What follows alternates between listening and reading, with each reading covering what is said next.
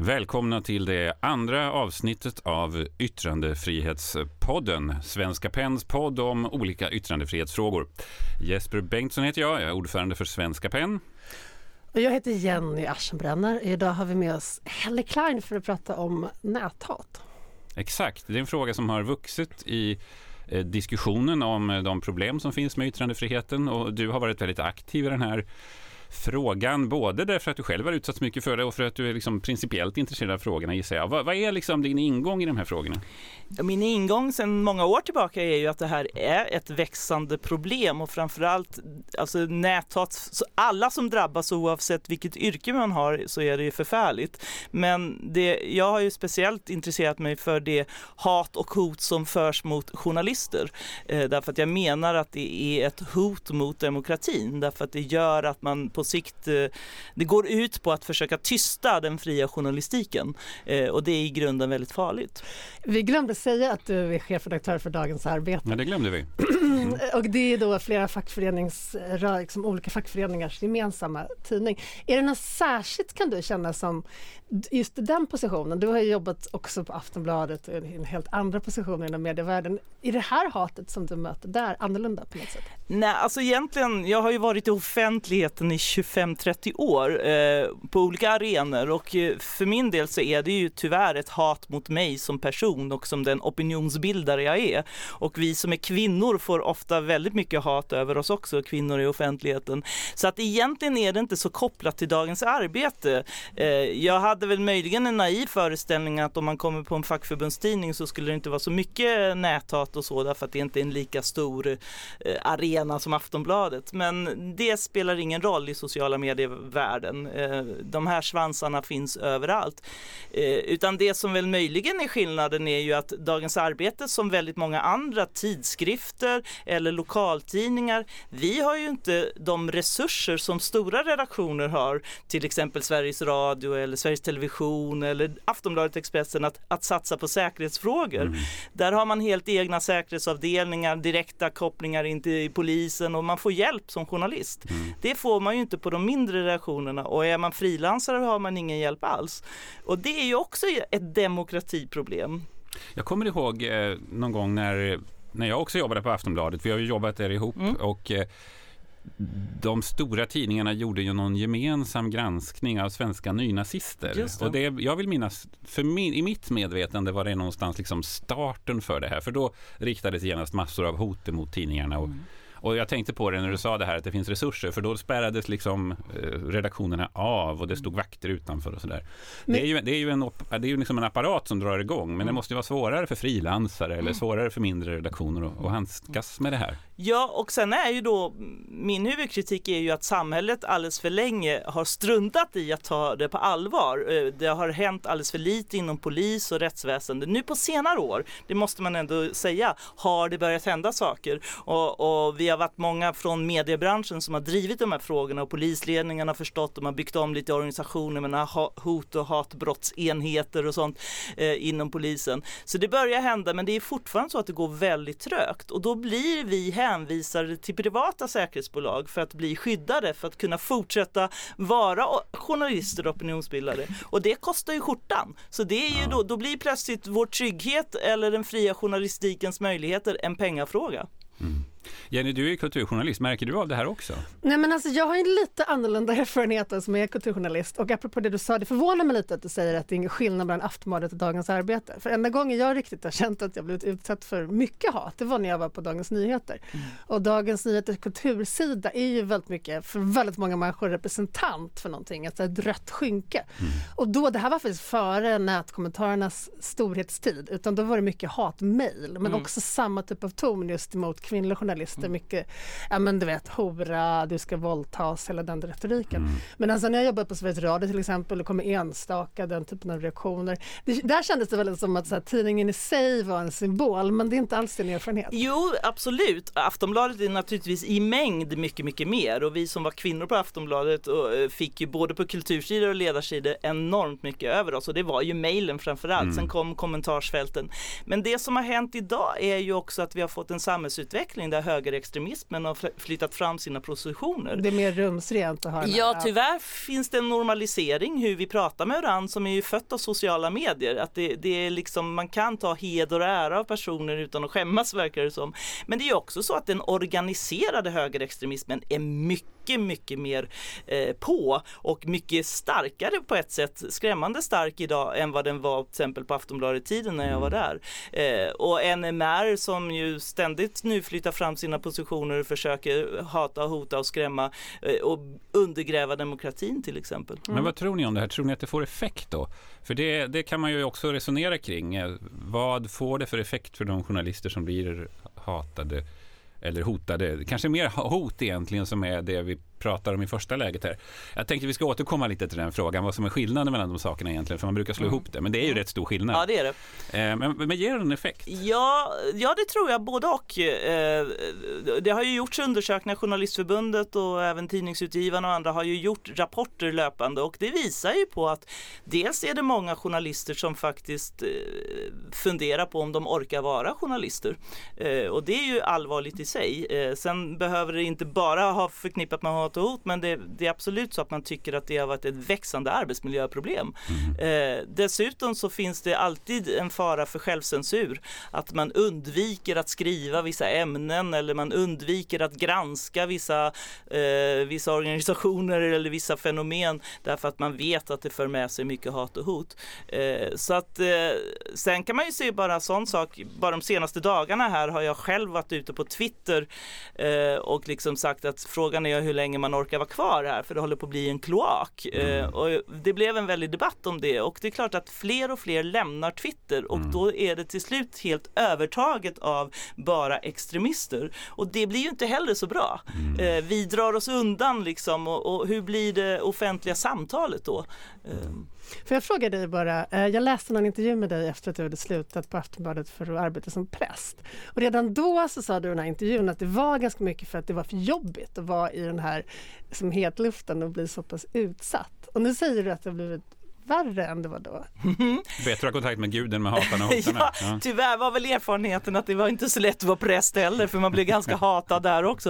Eh, men, och det handlar ju, egentligen handlar det om en offentlighet och ett, eh, faktiskt att vi har fått ett, ett, ett samhällssamtal som har blivit allt mer polariserat. Eh, och det drabbar ju väldigt många sektorer, inte bara journalistiken och oss som är journalister, utan även, även det religiösa samtalet är ju fruktansvärt eh, polariserat ibland.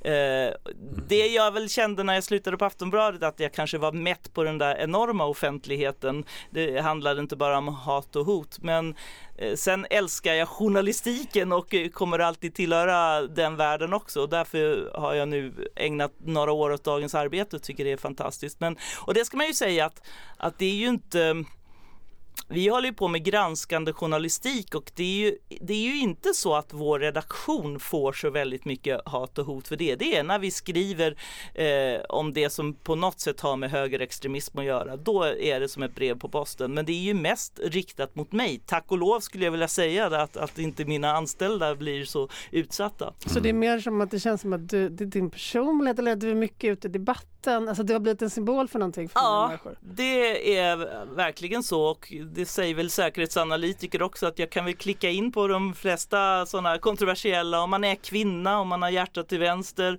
eh, feminist, eh, eh, har judisk bakgrund, dessutom är präst så är det väldigt mycket saker där som klickar in i vad högerextrema vill hata. Mm. Eh, så att eh, tyvärr är det väldigt kopplat men det är kopplat för att man är har varit länge i offentligheten och anses vara en stark profil där och jag tror att många kvinnor i offentligheten, om de så är politiker eller journalister eller opinionsbildare, kulturdebattörer, känner igen sig och det är väldigt allvarligt.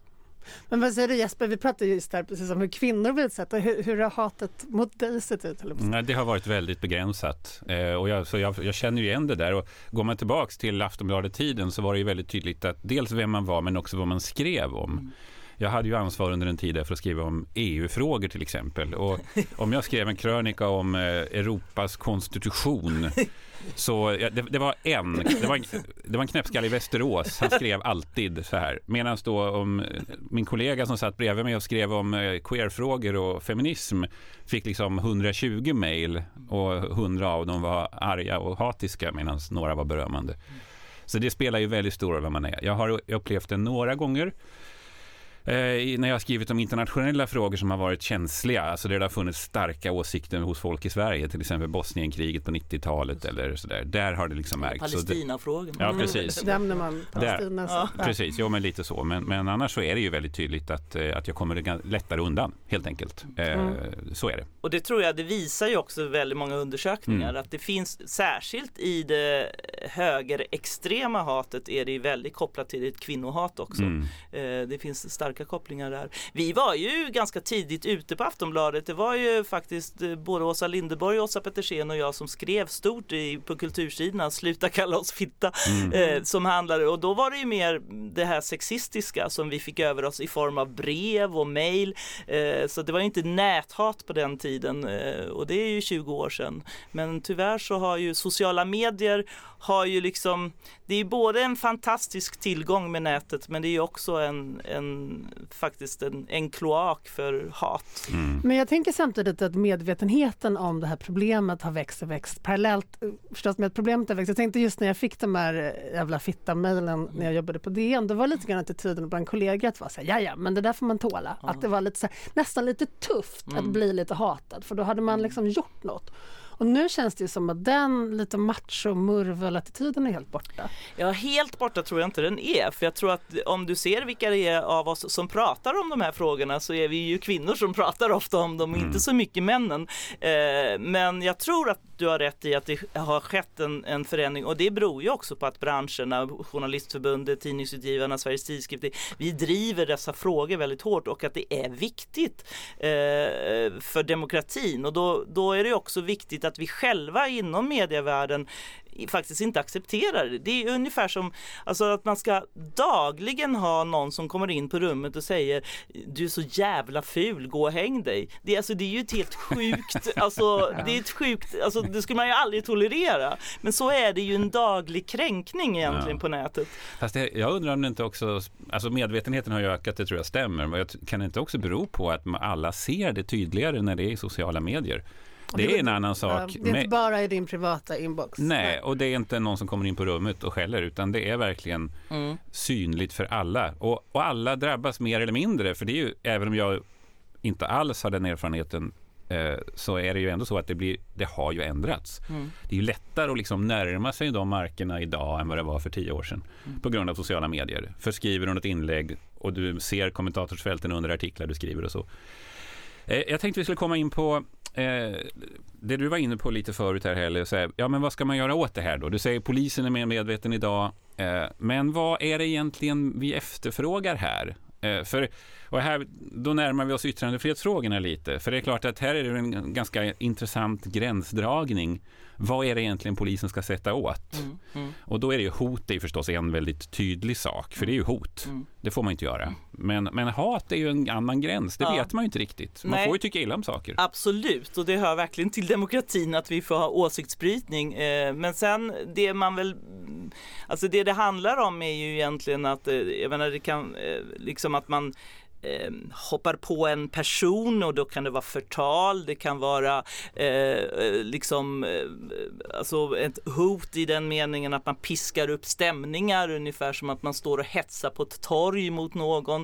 Eh, där finns också naturligtvis hets mot folkgrupp som är alldeles uppenbart men där, där det på nätet sker väldigt mycket sånt som man inte eh, liksom, jag menar på ett torgmöte skulle man ha reagerat men mm. på nätet verkar man så det är på något sätt som att juridik juridiken gäller i i, på nä, alltså, det som gäller i den vanliga världen har inte riktigt hittat in i nätvärlden än. Och det är naturligtvis att det är väldigt svårt att, att kunna bemästra allt det men, men du har ju, alltså det som jag tycker är egentligen det allvarliga dels är det ju att, att det är ganska låga straffvärden på det som är hot eh, mot, alltså näthot, hot mot journalister till exempel. Eh, det är en sån diskussion nu om man kanske ska få upp det straffvärdet därför att annars så prioriterar aldrig polisen det. Eh, men eh, man, man tittar på det och, och jag tror att man lurar sig det har ju alltid varit en diskussion om att ja, men det här är ju yttrandefrihet. Nej, det är inte yttrandefrihet. Det är att, att undergräva demokratin eh, och man måste se skillnad på det för oss som försvarar yttrandefriheten. För det man håller på är nu att man håller på att krymper människors yttrandefrihet därför att det är extremisterna som tar över den.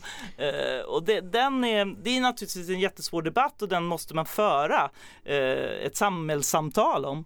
Nej, men jag läste, det kom ju en undersökning förra året om vilka som står för majoriteten av det här näthatet och det är det en väldigt liten grupp som tar väldigt mycket plats. Man har ju vetat det men sen gjorde Försvarets forskningsinstitut det. var det väl en undersökning tillsammans med tidningsutgivarna.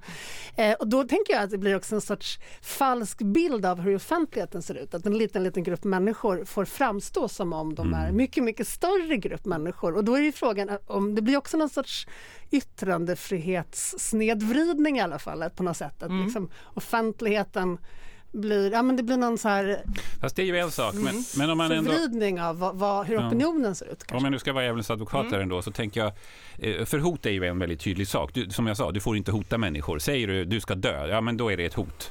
Ja, men, fast... men, men sen så finns det det andra Ja, de är väldigt, då är de väldigt bra på att ta det här mediet, sociala medier i anspråk.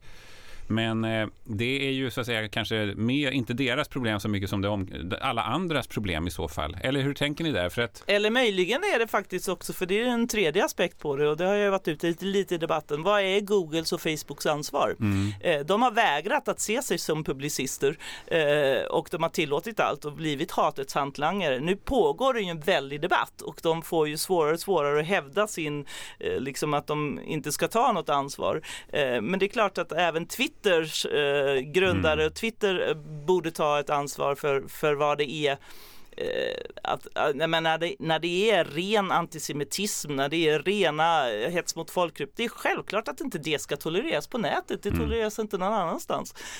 Så att ja, men, men eh, sen, är, men sen är det, det här med hot, mm. bara för att liksom mm. ta den, för den, den är svår, för det, du har ju rätt i att, jag menar, ja, vi vill döda dig, det är ett mm. väldigt tydligt hot. Mm. Men att ständigt bli avhumaniserad, att ständigt ligga på sajter där man är betraktad snart inte som människa mm. eh, och där det piskas upp ett hat är ju i sig någonting som kan leda till eh, dödligt våld. Mm. Eh, och här är det ju gråzoner, det är väldigt, väldigt svårt svårt. Men, men, men jag tror att, att för oss som lever i den här hatvärlden så är det ju mer det som blir så farligt. Därför att då kan ju egentligen eh, man kan ta Anna Lindmordet som ett exempel. Mm. Eh, hon blev igenkänd för att hon hade hängt på alla affischer och var en offentlig per eh, person. Och hennes mördare hatade kvinnor och hatade Sverige för vad de hade gjort i, i liksom Jugoslavienkrigen.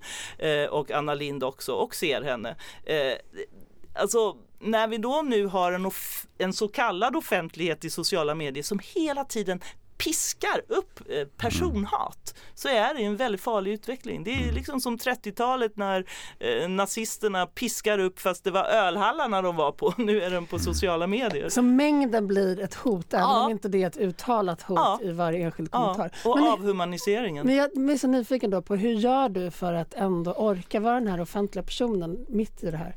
Ja, där får man skaffa sig lite strategier. Dels måste man ha nära och kära som man eh, får leva med och koppla bort och ägna sig åt något helt annat och inte vara uppkopplad hela tiden. Det tror jag är enormt viktigt. Det är svårt i våra yrken för det bygger mycket på att vi ska vara där. Eh, och sen måste man komma ihåg det som du själv var inne på att det är en väldigt liten minoritet som försöker ta mm. över. Och man måste påminna sig om det, att det här, hela världen hatar mig inte, utan det är de här och de vill att jag ska bli rädd och vill eh, tysta mig.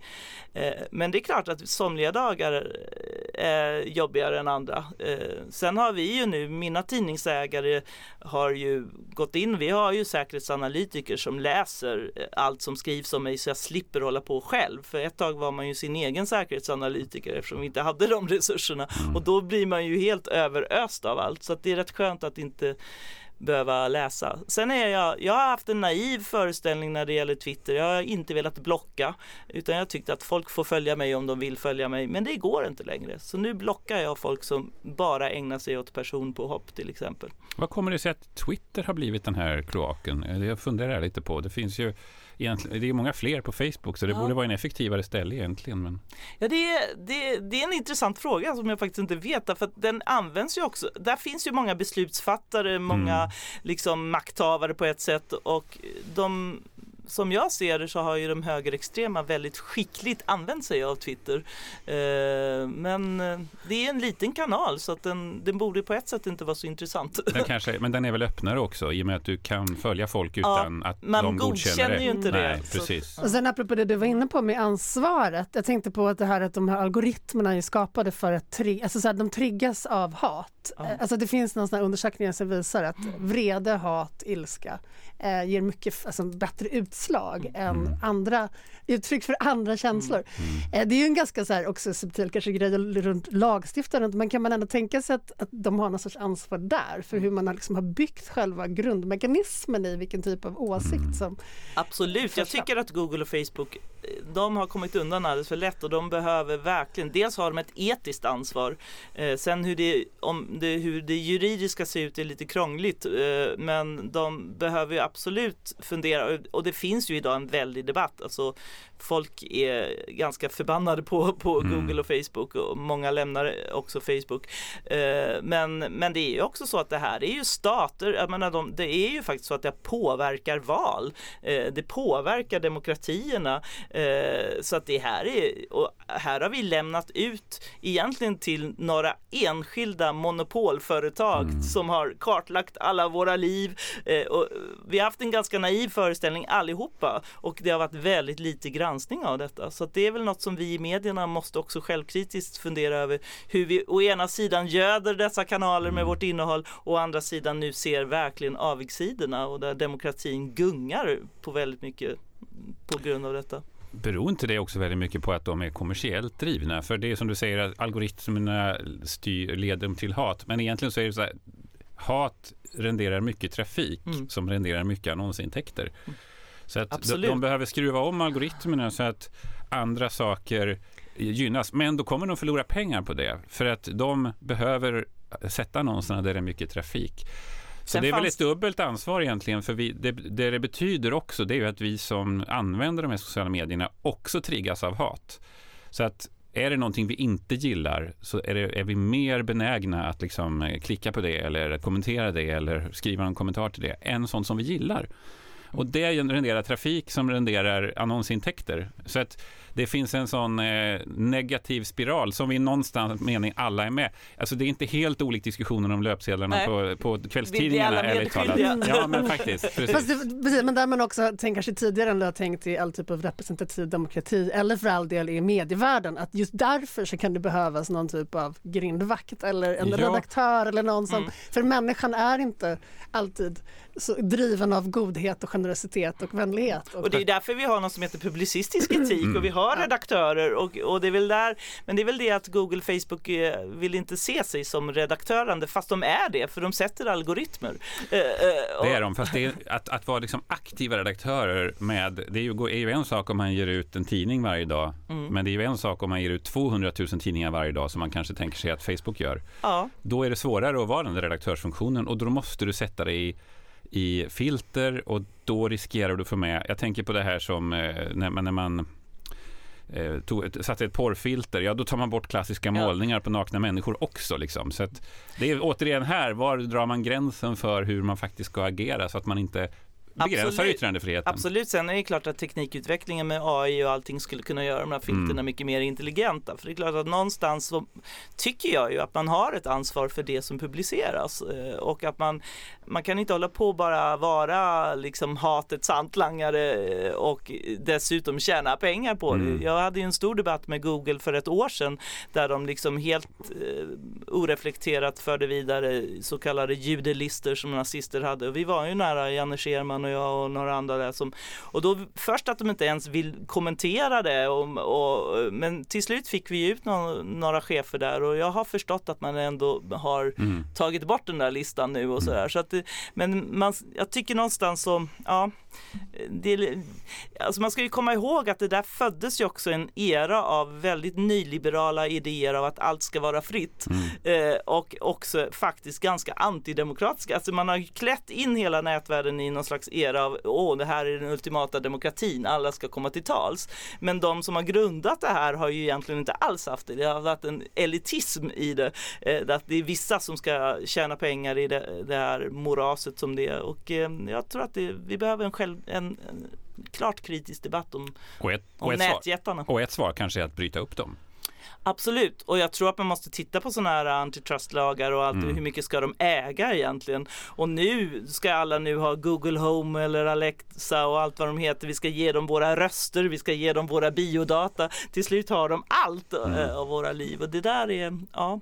Men hur ser det på det som chefredaktör? Jag tänker att medievärlden har ju levererat så att säga, gratis content till de här olika stora multinationella företagen och lite grann ibland suttit i knäna på dem att man har anpassat sig för att då eh, tillfredsställa Facebooks algoritmer. Hur tänker du där utifrån ditt tidningsperspektiv? Jag tycker just att vi behöver verkligen en självkritisk debatt för vi har varit väldigt naiva och alla har gått in i det liksom och hängt på tåget har det hetat liksom.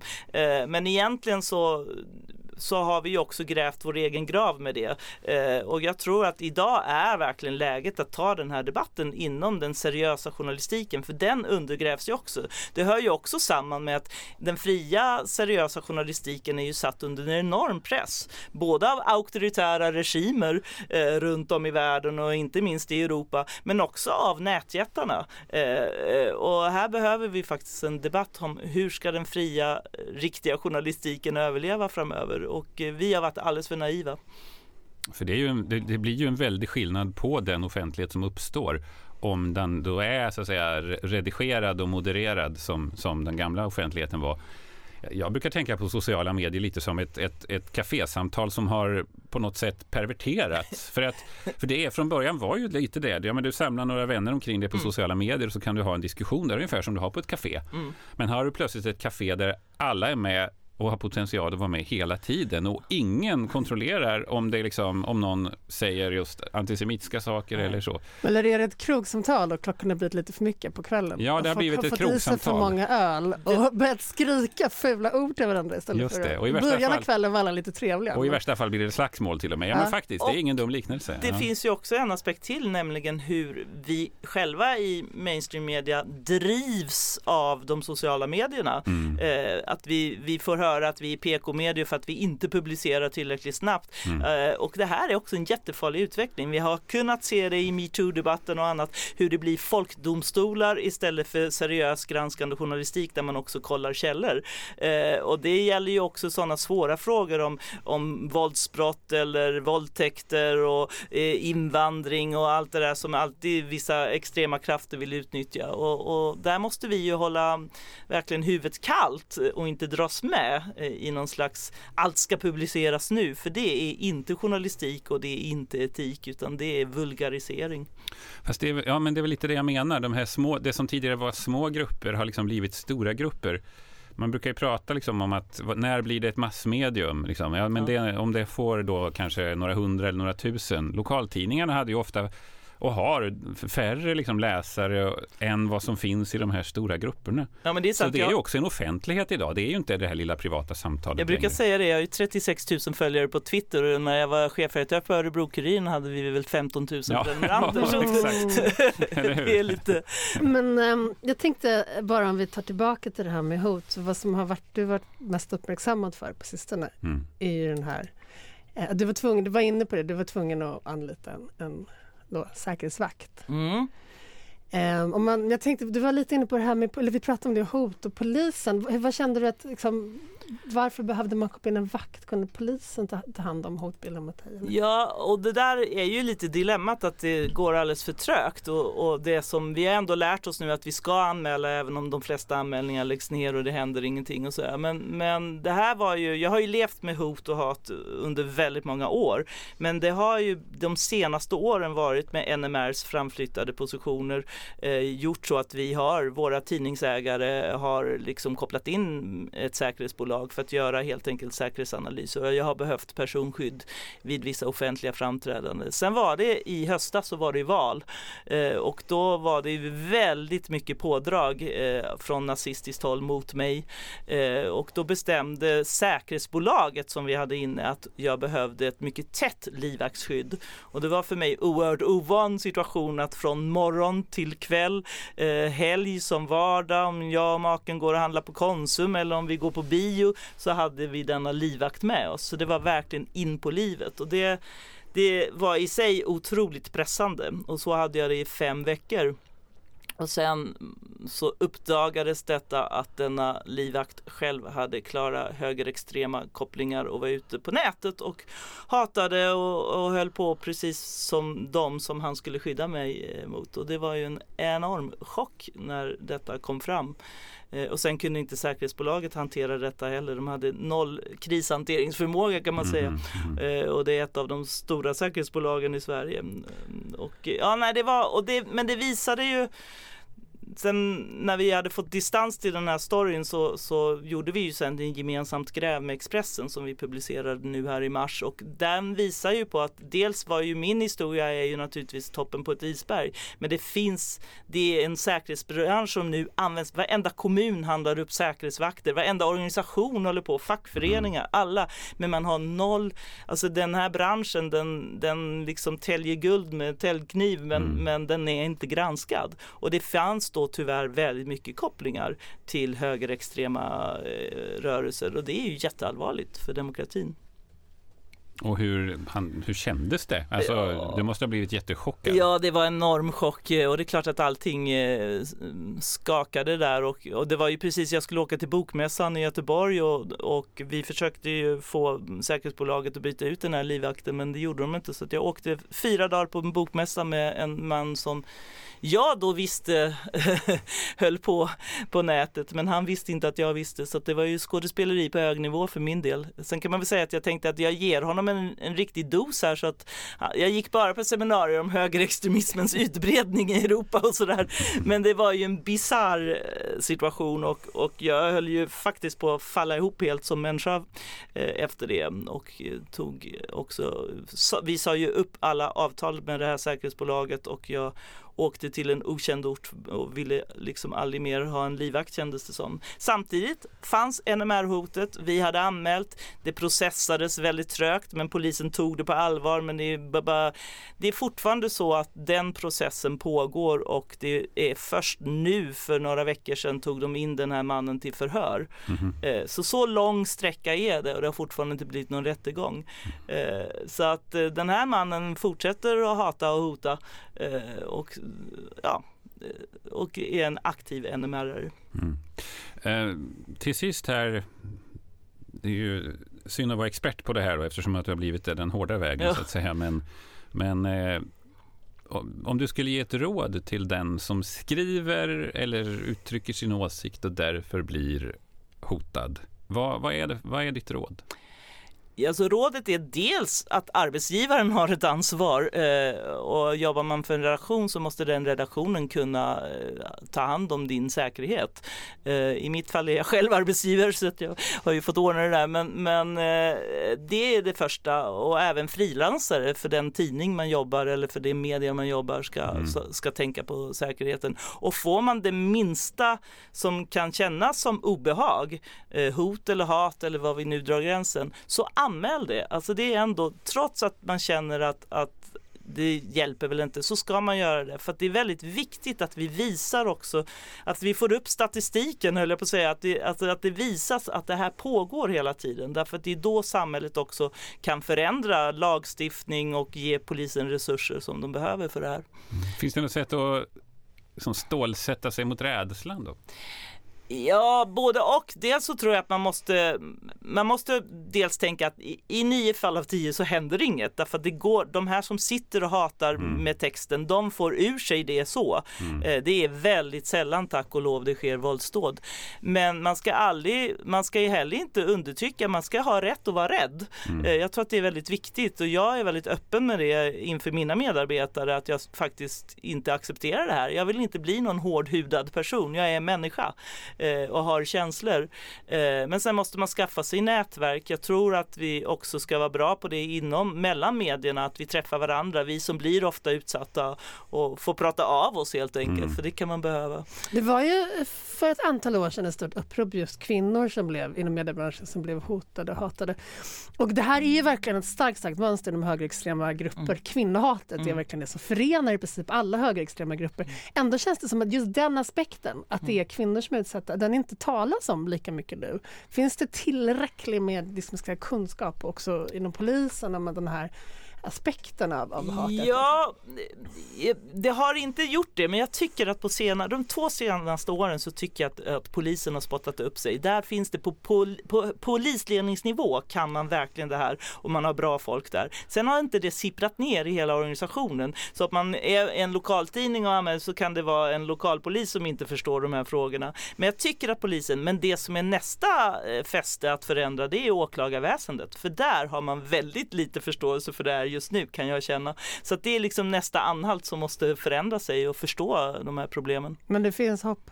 Absolut finns det hopp och det är kamp varje ja. dag. Bra. och därmed så tror jag att vi avrundar det här samtalet. Tack så mycket Helle Klein. Ja, tack. Jenny Aschenbrenner och jag heter Jesper Bengtsson och därmed tack så är andra avsnittet av Yttrandefrihetspodden avslutat.